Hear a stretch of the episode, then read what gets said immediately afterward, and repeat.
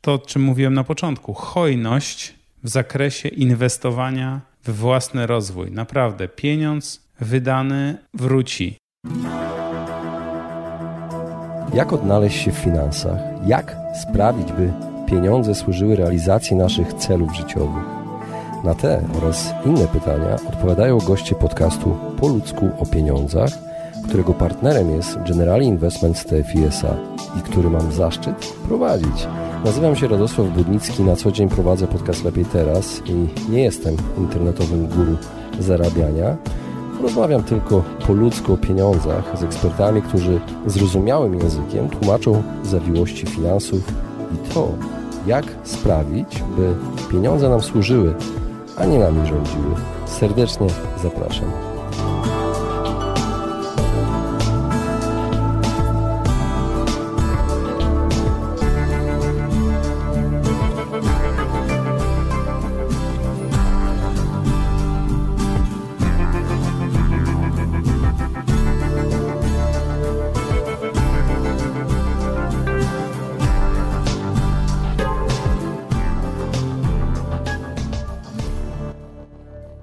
Witam Was serdecznie w kolejnym odcinku podcastu Po ludzku o pieniądzach. Dzisiaj moim gościem jest znany przedsiębiorca, doradca firm, coach, inwestor i podcaster Greg Albrecht.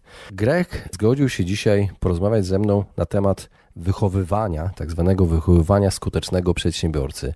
Podzielił się informacjami na temat e, swojej przeszłości, w jaki sposób e, kształtował swoje nawyki finansowe, w jaki sposób kształtował swoje podejście do zarabiania pieniędzy. Opowiedział również o tym, dlaczego zainwestował w szkolenie, które trwało 3 dni, 10 tysięcy dolarów.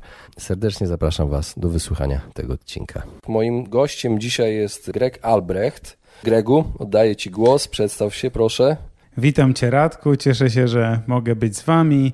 Na co dzień zajmuję się wsparciem dla przedsiębiorców i szefów firm w zakresie podejmowania e, decyzji w obszarze zarządzania i strategii. Takimi rzeczami się zajmuję. Oprócz tego prowadzę podcast, Greg Albrecht Podcast, który założyłem zainspirowany tymże właśnie Radkiem, za co jestem mu dozgonnie wdzięczny. Okej, okay, dziękuję. Tego miało nie być, ale dobra, dzięki. Y, Gregu, dzisiaj chciałem z Tobą porozmawiać o tak zwanym wychowywaniu dobrych przedsiębiorców, skutecznych przedsiębiorców. I, ale najpierw chciałbym zadać Ci pytania o, mm, bo jest to podcast po ludzku o pieniądzach, więc rozmawiamy o finansach osobistych, więc chciałbym od Ciebie wyciągnąć kilka rzeczy, na temat Twojego backgroundu, nie, niejako takiego, który wyniosłeś z domu. Jakie przekonania i nawyki wyniesione z domu wpłynęły na Twój sukces?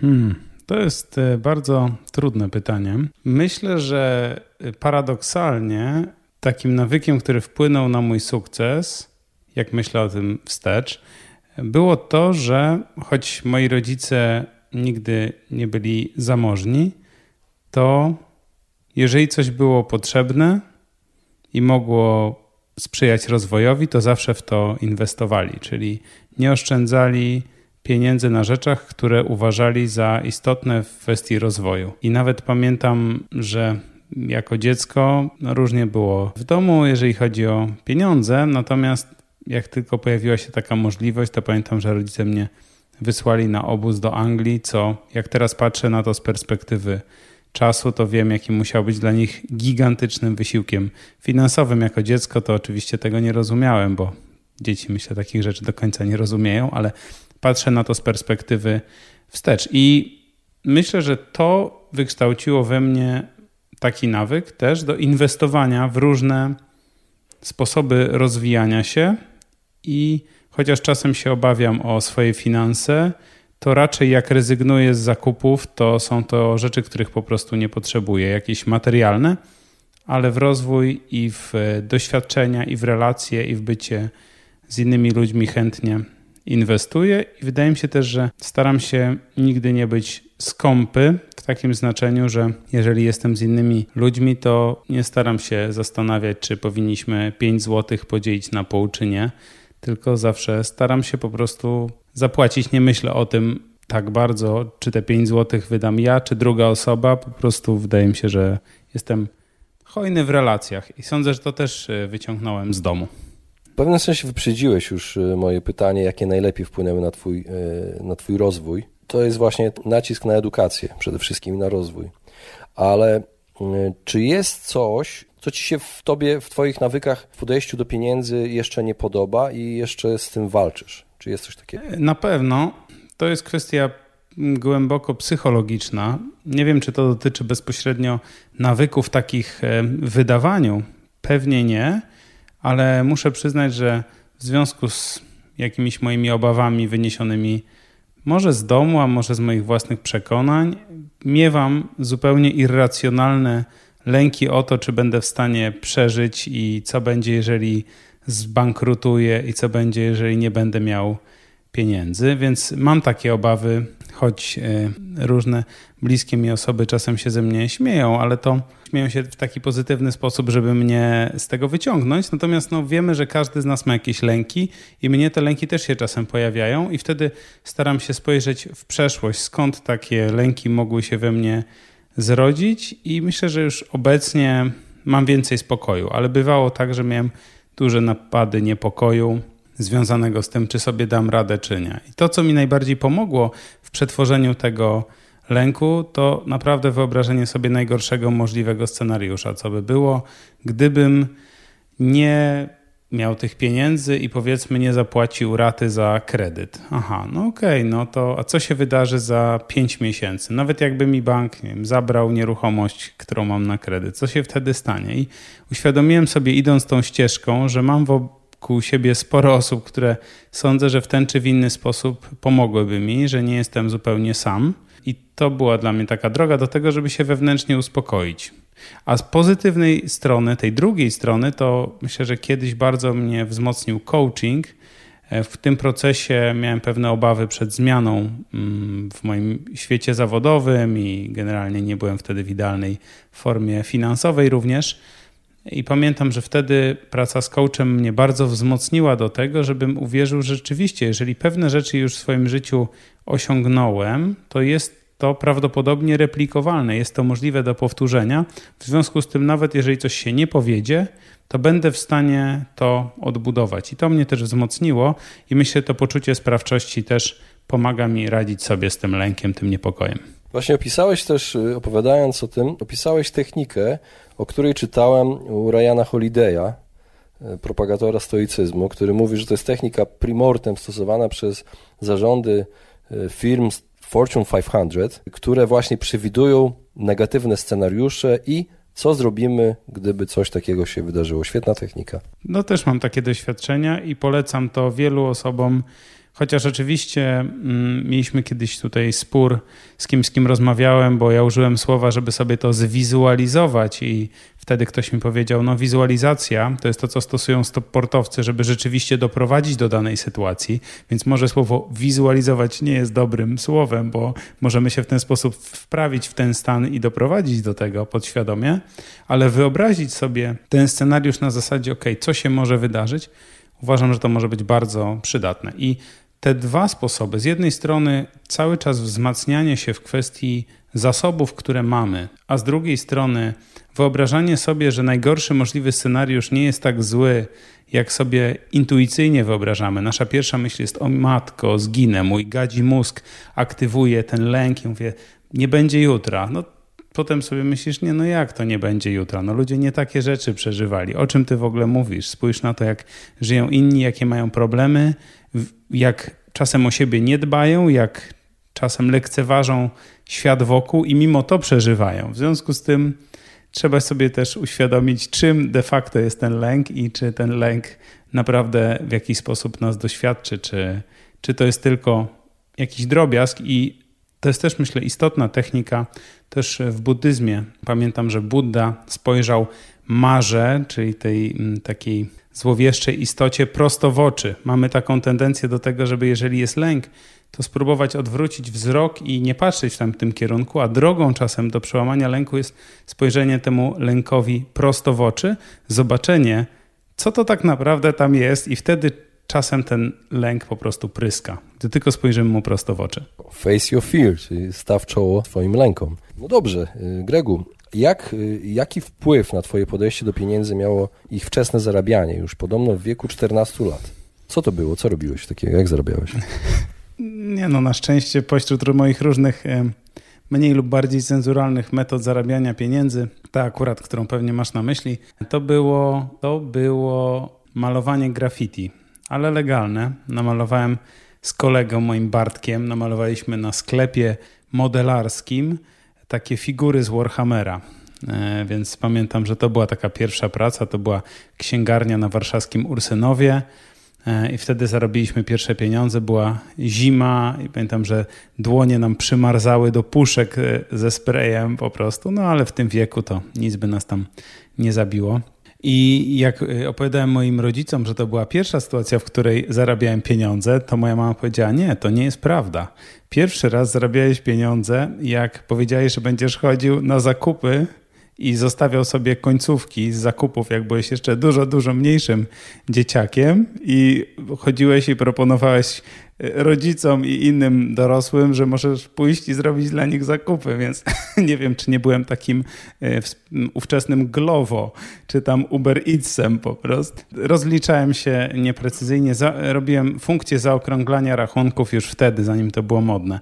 E, w każdym razie Ciekawe jest to, że w sumie nie było to wcale chyba stymulowane tym, żeby te pieniądze mieć i wydać, tylko raczej było to stymulowane tym, żeby pokazać, że to, co robię, może przynosić jakiś konkretny rezultat. I sądzę, że to było coś, co mnie zawsze napędzało.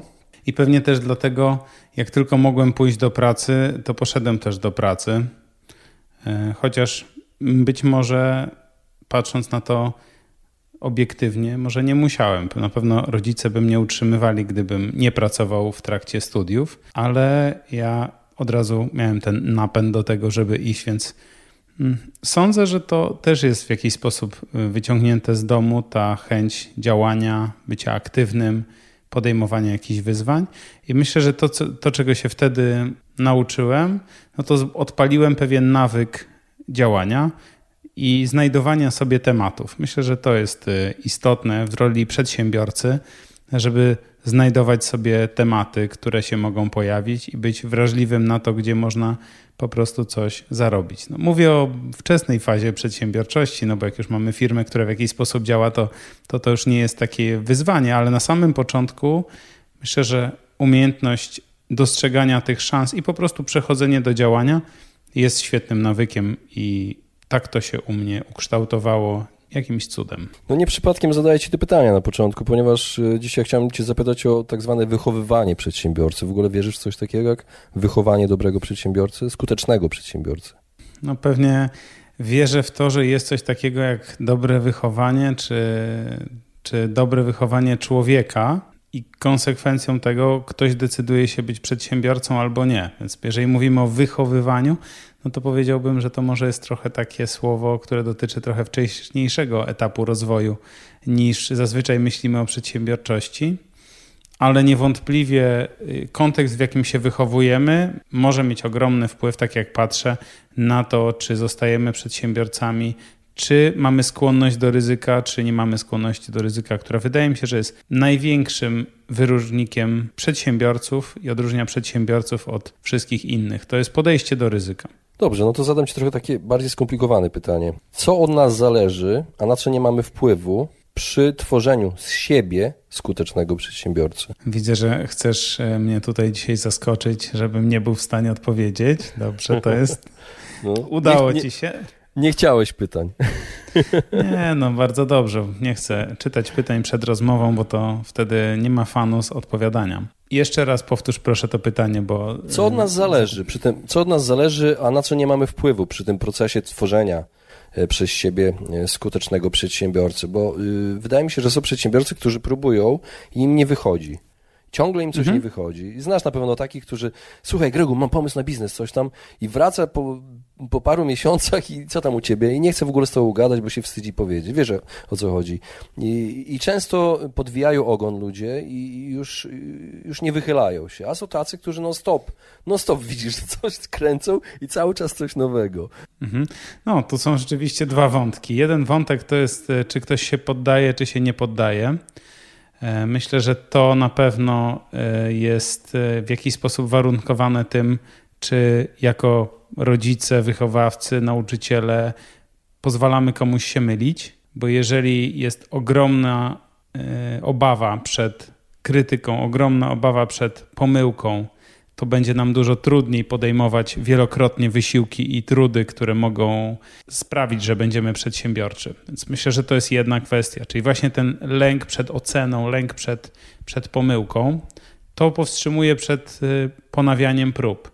Natomiast zupełnie inną kwestią jest co? To, dlaczego niektórzy przedsiębiorcy ciągle popełniają te same błędy. I to myślę jest y, trudniej odpowiedzieć na to jednym zdaniem, dlaczego niektórzy ludzie mają trudność do tego, żeby skupić się na tym, żeby przeanalizować, co poszło nie tak i na tej podstawie wyciągnąć wnioski, żeby następnym razem zrobić coś inaczej. Myślę, że to, choć brzmi tak oczywiście i jest oczywiste, to rzeczywiście wiele osób nie znajduje na to czasu. Myślę, że czasem jest to związane z lękiem przed tym, że zorientuję się, że zrobiłem coś źle, żeby już się nie babrać w tym właśnie, co poszło nie tak, ale iść dalej. Ja uważam, że moje podejście do, do tego typu lekcji jest takie, jak najbardziej zobaczyć, co poszło nie tak, wyciągnąć wnioski i wtedy już się nigdy nie babrać w tym, co było. Ale pozostawianie za sobą tematu i, nie, i bez wiedzy, dlaczego coś nie poszło, powoduje, że powtarzamy ten sam błąd wielokrotnie i mm, to jest jakby jedna, myślę, z rzeczy, którą warto w przedsiębiorcach kształcić, a druga to też jest kwestia mm, pewnej konsekwencji i cierpliwości, dlatego że rzeczy się nie dzieją z dnia na dzień. I widzę, że duże rzeczy zabierają rok, dwa lata, żeby sprawdzić, czy to działa, czy nie działa, a niektóre jeszcze więcej oczywiście. Niemniej jednak, jeżeli wpadnę na jakiś pomysł i pogadam z pięcioma osobami, to nie mam danych, czy to jest pomysł dobry, czy zły. Dobrze, no to mam do Ciebie jeszcze jedno pytanie dotyczące przedsiębiorców, którzy zakładają startupy. Wiem, że o startupach można założyć totalnie oddzielny kanał podcastowy. Ty na pewno część swojego, swoich podcastów poświęcasz e, tej tematyce, ale jakbyś mógł jedną rzecz kluczową wymienić, kluczowa rzecz, która jest warunkiem sukcesu o której na przykład wiele osób nie pamięta. To, co wymieniłeś, chyba na pewno, ale czy może jeszcze jedna?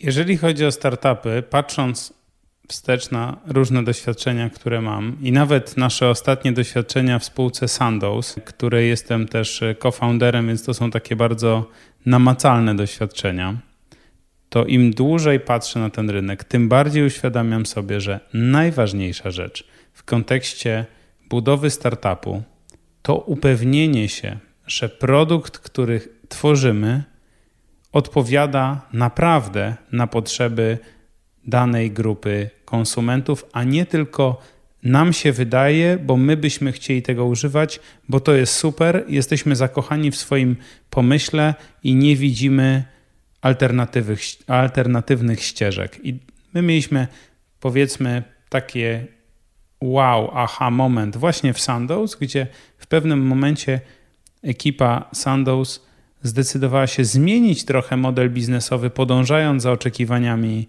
klientów i sprzedaż bardzo, bardzo znacząco strzeliła do góry. I to mówimy o gigantycznym wzroście sprzedaży. I nasza lekcja z tego jest taka, że być może za wcześnie zaczęliśmy inwestować w marketing, zanim osiągnęliśmy tak zwany product market fit, czyli dopasowanie pomiędzy oczekiwaniami konsumenta, a tym, jak ten produkt wyglądał. I oczywiście Patrząc wstecz, trudno jest to oceniać, bo być może musieliśmy się tego nauczyć, być może trzeba było tego kapitału trochę spalić, żeby to osiągnąć. Niemniej jednak nie można poddawać się swoim własnym intuicyjnym ocenom sytuacji w tym startupie, tylko naprawdę skupić się na tym, żeby ludzie byli zachwyceni Twoim produktem. Jak ludzie nie są zachwyceni Twoim produktem, to to nie jest dobry produkt. Grego, pozwól, że zatoczę koło, wrócę do Ciebie. Bardzo mnie ciekawi, czy Ty masz jakiegoś mentora, skąd czerpiesz wiedzę na temat biznesu, pieniędzy, inwestowania? Na temat, na każdy z tematów staram się mieć jakieś osoby, z którymi rozmawiam, więc zależy od, to, od tego, o jakim temacie byśmy rozmawiali, to pewnie podałbym inne osoby. Dla mnie największym mentorem, dla mnie są moje też własne doświadczenia, ale czasem one nie są tylko moimi osobistymi doświadczeniami, ale też doświadczeniami, przez które przechodzą klienci, z którymi pracuję. Czyli to, co jest fantastyczne w tym, co robię, to to, że świadcząc swoje usługi, nie tylko mogę rozwiązywać czyjeś problemy, ale sam też się uczę. I to jest y, chyba dla mnie najbardziej fascynujące w tym, czyli że wchodząc w konkretny projekt, mogę się czegoś nowego nauczyć. No i abstrahując od tego, naturalnie jest trochę osób, trudno mi podać jedną, które w różnych kategoriach pytam o zdanie, zanim podejmę jakąś decyzję, ale na pewno mam jedną zasadę, czyli nie podejmuję się rzeczy, których nie rozumiem, na których się nie znam. I to zarówno w zakresie świadczenia swoich usług, ale też w zakresie e, podejmowania decyzji inwestycyjnych, bo o tym też kiedyś rozmawialiśmy i to jest myślę bardzo ważne z mojej perspektywy, żeby nie wchodzić w rzeczy, których nie rozumiem. Wolę nie zarobić i mieć poczucie kontroli nad sytuacją, niż wrzucić w coś pieniądze i nie wiedzieć, na czym to polega. E, Gregu, poznałeś Tima Ferisa? Poznałem Tima Ferisa, tak. Ryana Holiday'a zresztą też. Z przyjemnym. Mm. To było bardzo fajne doświadczenie. No właśnie, chciałem, żebyś powiedział słuchaczom o tym, w jaki sposób poznałeś, bo byłeś na seminarium. Nawiązując do tego kształcenia się i inwestowania w rozwój, zainwestowałeś, pamiętam, rok temu chyba rozmawialiśmy na ten temat, dość spore pieniądze. No to prawda. Zainwestowałem jak na moje warunki bardzo dużo pieniędzy w to, żeby, żeby poznać Tima Ferisa, żeby poznać parę osób, które rzeczywiście mm, robią niezwykłe rzeczy. Ile? No ten wyjazd, y, na którym poznałem Tima Ferisa kosztował mnie z 10 tysięcy dolarów. Ale razem z seminarium tym, na którym uczestniczyłeś, tak? Tak. No ale to tak, tak. To było, to było wtedy 2,5 dnia warsztatów, gdzie był Tim Ferris jako jeden z mentorów, ale było wiele in, innych ciekawych osób, na przykład Mark Manson, e, autor książki The Subtle Art of Not Giving a Fuck. To też jest książka, którą mnóstwo osób przeczytał. No i pojechałem tam, żeby nauczyć się od osób, które już zrobiły to, co ja w jakimś stopniu chciałbym zrobić, a które też mnie zawsze inspirowały i móc pogadać z nimi osobiście i zadać im pytania o to, jak to osiągają. I to było dla mnie bardzo ważne doświadczenie, bo też wiele ulgi z tego popłynęło. Miałem taką obawę, że to, co ja chcę zrobić, to już wszyscy to zrobili. I pamiętam taką rozmowę z Markiem Mansonem. On mówi: Słuchaj, to się to w ogóle nie ma znaczenia. Jeżeli chcesz napisać książkę, to napiszesz ją swoim głosem i ludzie ją będą czytać, bo będzie twoja, będzie autentyczna. To nie musi być coś zupełnie nowego. Bo jak spojrzymy w ogóle na literaturę, no to większość rzeczy już była, w związku z tym napisanie czegoś autentycznym głosem działa. Ale tak, to była duża inwestycja i miałem wątpliwości, czy to jest dobra inwestycja. Natomiast y, muszę powiedzieć, że uczestniczyłem w tym samym programie, tylko zbyli inni mentorzy dwa lata z rzędu. W związku z tym podjąłem, poniosłem taką inwestycję dwukrotnie i uważam, że było to warte, chociaż ciężko jest to przeliczyć bezpośrednio na zwrot y, finansowy z mojego biznesu, ale na pewno dało mi to bardzo dużo mm, pewności w zakresie tego, co chcę robić i pewnej inspiracji do tego, jak robić to, co robię, właśnie w obszarze tworzenia podcastu i komunikacji y, z ludźmi czego wcześniej w ogóle nie robiłem, bo nie wiedziałem, czy to ma sens, ale potem dostałem tego, tego kopa i cieszę się z tego bardzo, bo tworzenie podcastu, choć też nie widzę, żeby miało dla mnie bezpośrednie przełożenie finansowe, może ludzie myślą, że, że to jest jakaś kopalnia złota, a powiedziałbym, że jest raczej odwrotnie, jest to raczej duża inwestycja, natomiast wdzięczność, która płynie od słuchaczy, wartość, którą się kreuje, na pewno tworzy jakąś pozytywną energię, z której potem też kreuje się biznes. O tak bym powiedział. Świetna odpowiedź, Gregu. I na koniec e, ostatnie pytanie dla osób, które są zainteresowane poszukiwaniem wiedzy, profesjonalnej wiedzy. Jak nie przestrzelić właśnie finansowo, jak odróżnić tych pseudo-coachy od prawdziwych profesjonalistów? Wiesz co, przerwało mi niestety, więc musisz powtórzyć yy, pytanie. Powtórzę proszę. pytanie, powtórzę pytanie, nagrywamy zdalnie, więc powtarzam pytanie. Podziel się proszę informacją ze słuchaczami, którzy są zainteresowani rozwojem siebie i chcą zainwestować pieniądze w jakieś szkolenia, seminaria, warsztaty, i w jaki sposób znaleźć te właściwe szkolenie, nie przestrzelić finansowo i odróżnić pseudo-coachy od prawdziwych profesjonalistów? Świetne pytanie. gdyby było na nie racjonalna odpowiedź, to pewnie nie byłoby pseudo, pseudo szkoleń, bo każdy by odróżniał jedne od drugich. Aczkolwiek przewrotnie bym powiedział, żeby też nikogo nie stygmatyzować, że może każde szkolenie dla kogoś w danym momencie może być tym właściwym szkoleniem. Miałem kiedyś tendencję do bycia bardzo surowym w ocenie różnych osób, które różne rzeczy robiły, które wydawały mi się podobne do moich, ale czułem, że może nie są do końca autentyczne, czy może, że można coś zrobić lepiej. Ale myślę, że każdy z nas na każdym etapie potrzebuje trochę innego bodźca. I to też zależy od, od tego dopasowania. Ja bym powiedział, że dla mnie jest jedna ogólna zasada, którą ja stosuję, ale to jest kwestia mm, jakiegoś mojego punktu w życiu staram się doprowadzać do indywidualnych rozmów i pracy indywidualnej. To jest też to, w czym się sam specjalizuję. Uważam, że czas jest tak wartościowym zasobem na moim obecnym na przykład etapie w życiu, aczkolwiek uważam, że każdy z nas ma tylko tyle godzin, e, ile ma. I dlatego uważam, że indywidualna praca daje nieporównywalnie lepsze rezultaty niż otwarte projekty szkoleniowe, w których uczestniczy wiele osób. Że wiedza uproszczona, uogólniona jest w zasadzie dostępna dużym stopniu za darmo, a to, co jest tą wartością naprawdę niesamowitą, to jest wsparcie indywidualne. I teraz, jak wybrać to, z kim chciałoby się pracować?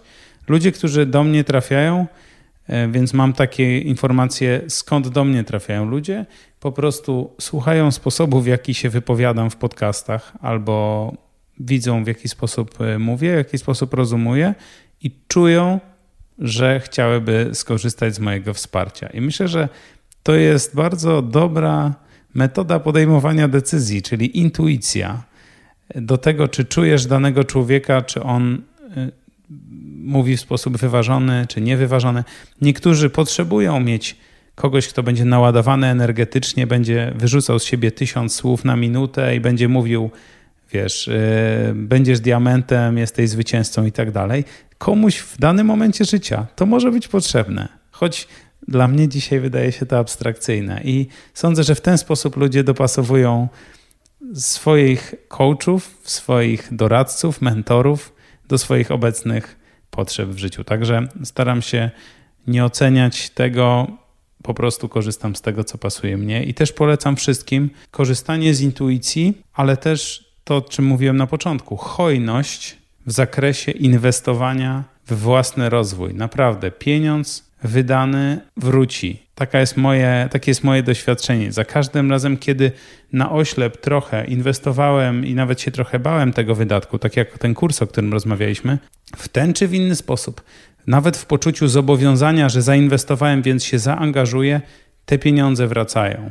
I myślę, że ci, którzy mają największe trudności z odniesieniem sukcesu, to ci, którzy będą cały czas siedzieć i oglądać ten pieniądz z prawej i z lewej strony, zamiast puścić go w ruch i zobaczyć, jak on e, wraca. To jest moje przekonanie na temat e, wydawania pieniędzy, które dla mnie działa. Ja myślę, że nie jestem super oszczędny, reinwestuję dużo w różne rzeczy i to wraca. Gregu, bardzo Ci dziękuję za rozmowę i podzielenie się znowu tymi cennymi informacjami i doświadczeniem swoim. Dziękuję. Bardzo Ci dziękuję, Radku. Dziękuję wszystkim słuchaczom i e, zapraszam do rozmowy i słuchania tego fantastycznego podcastu. Dziękuję.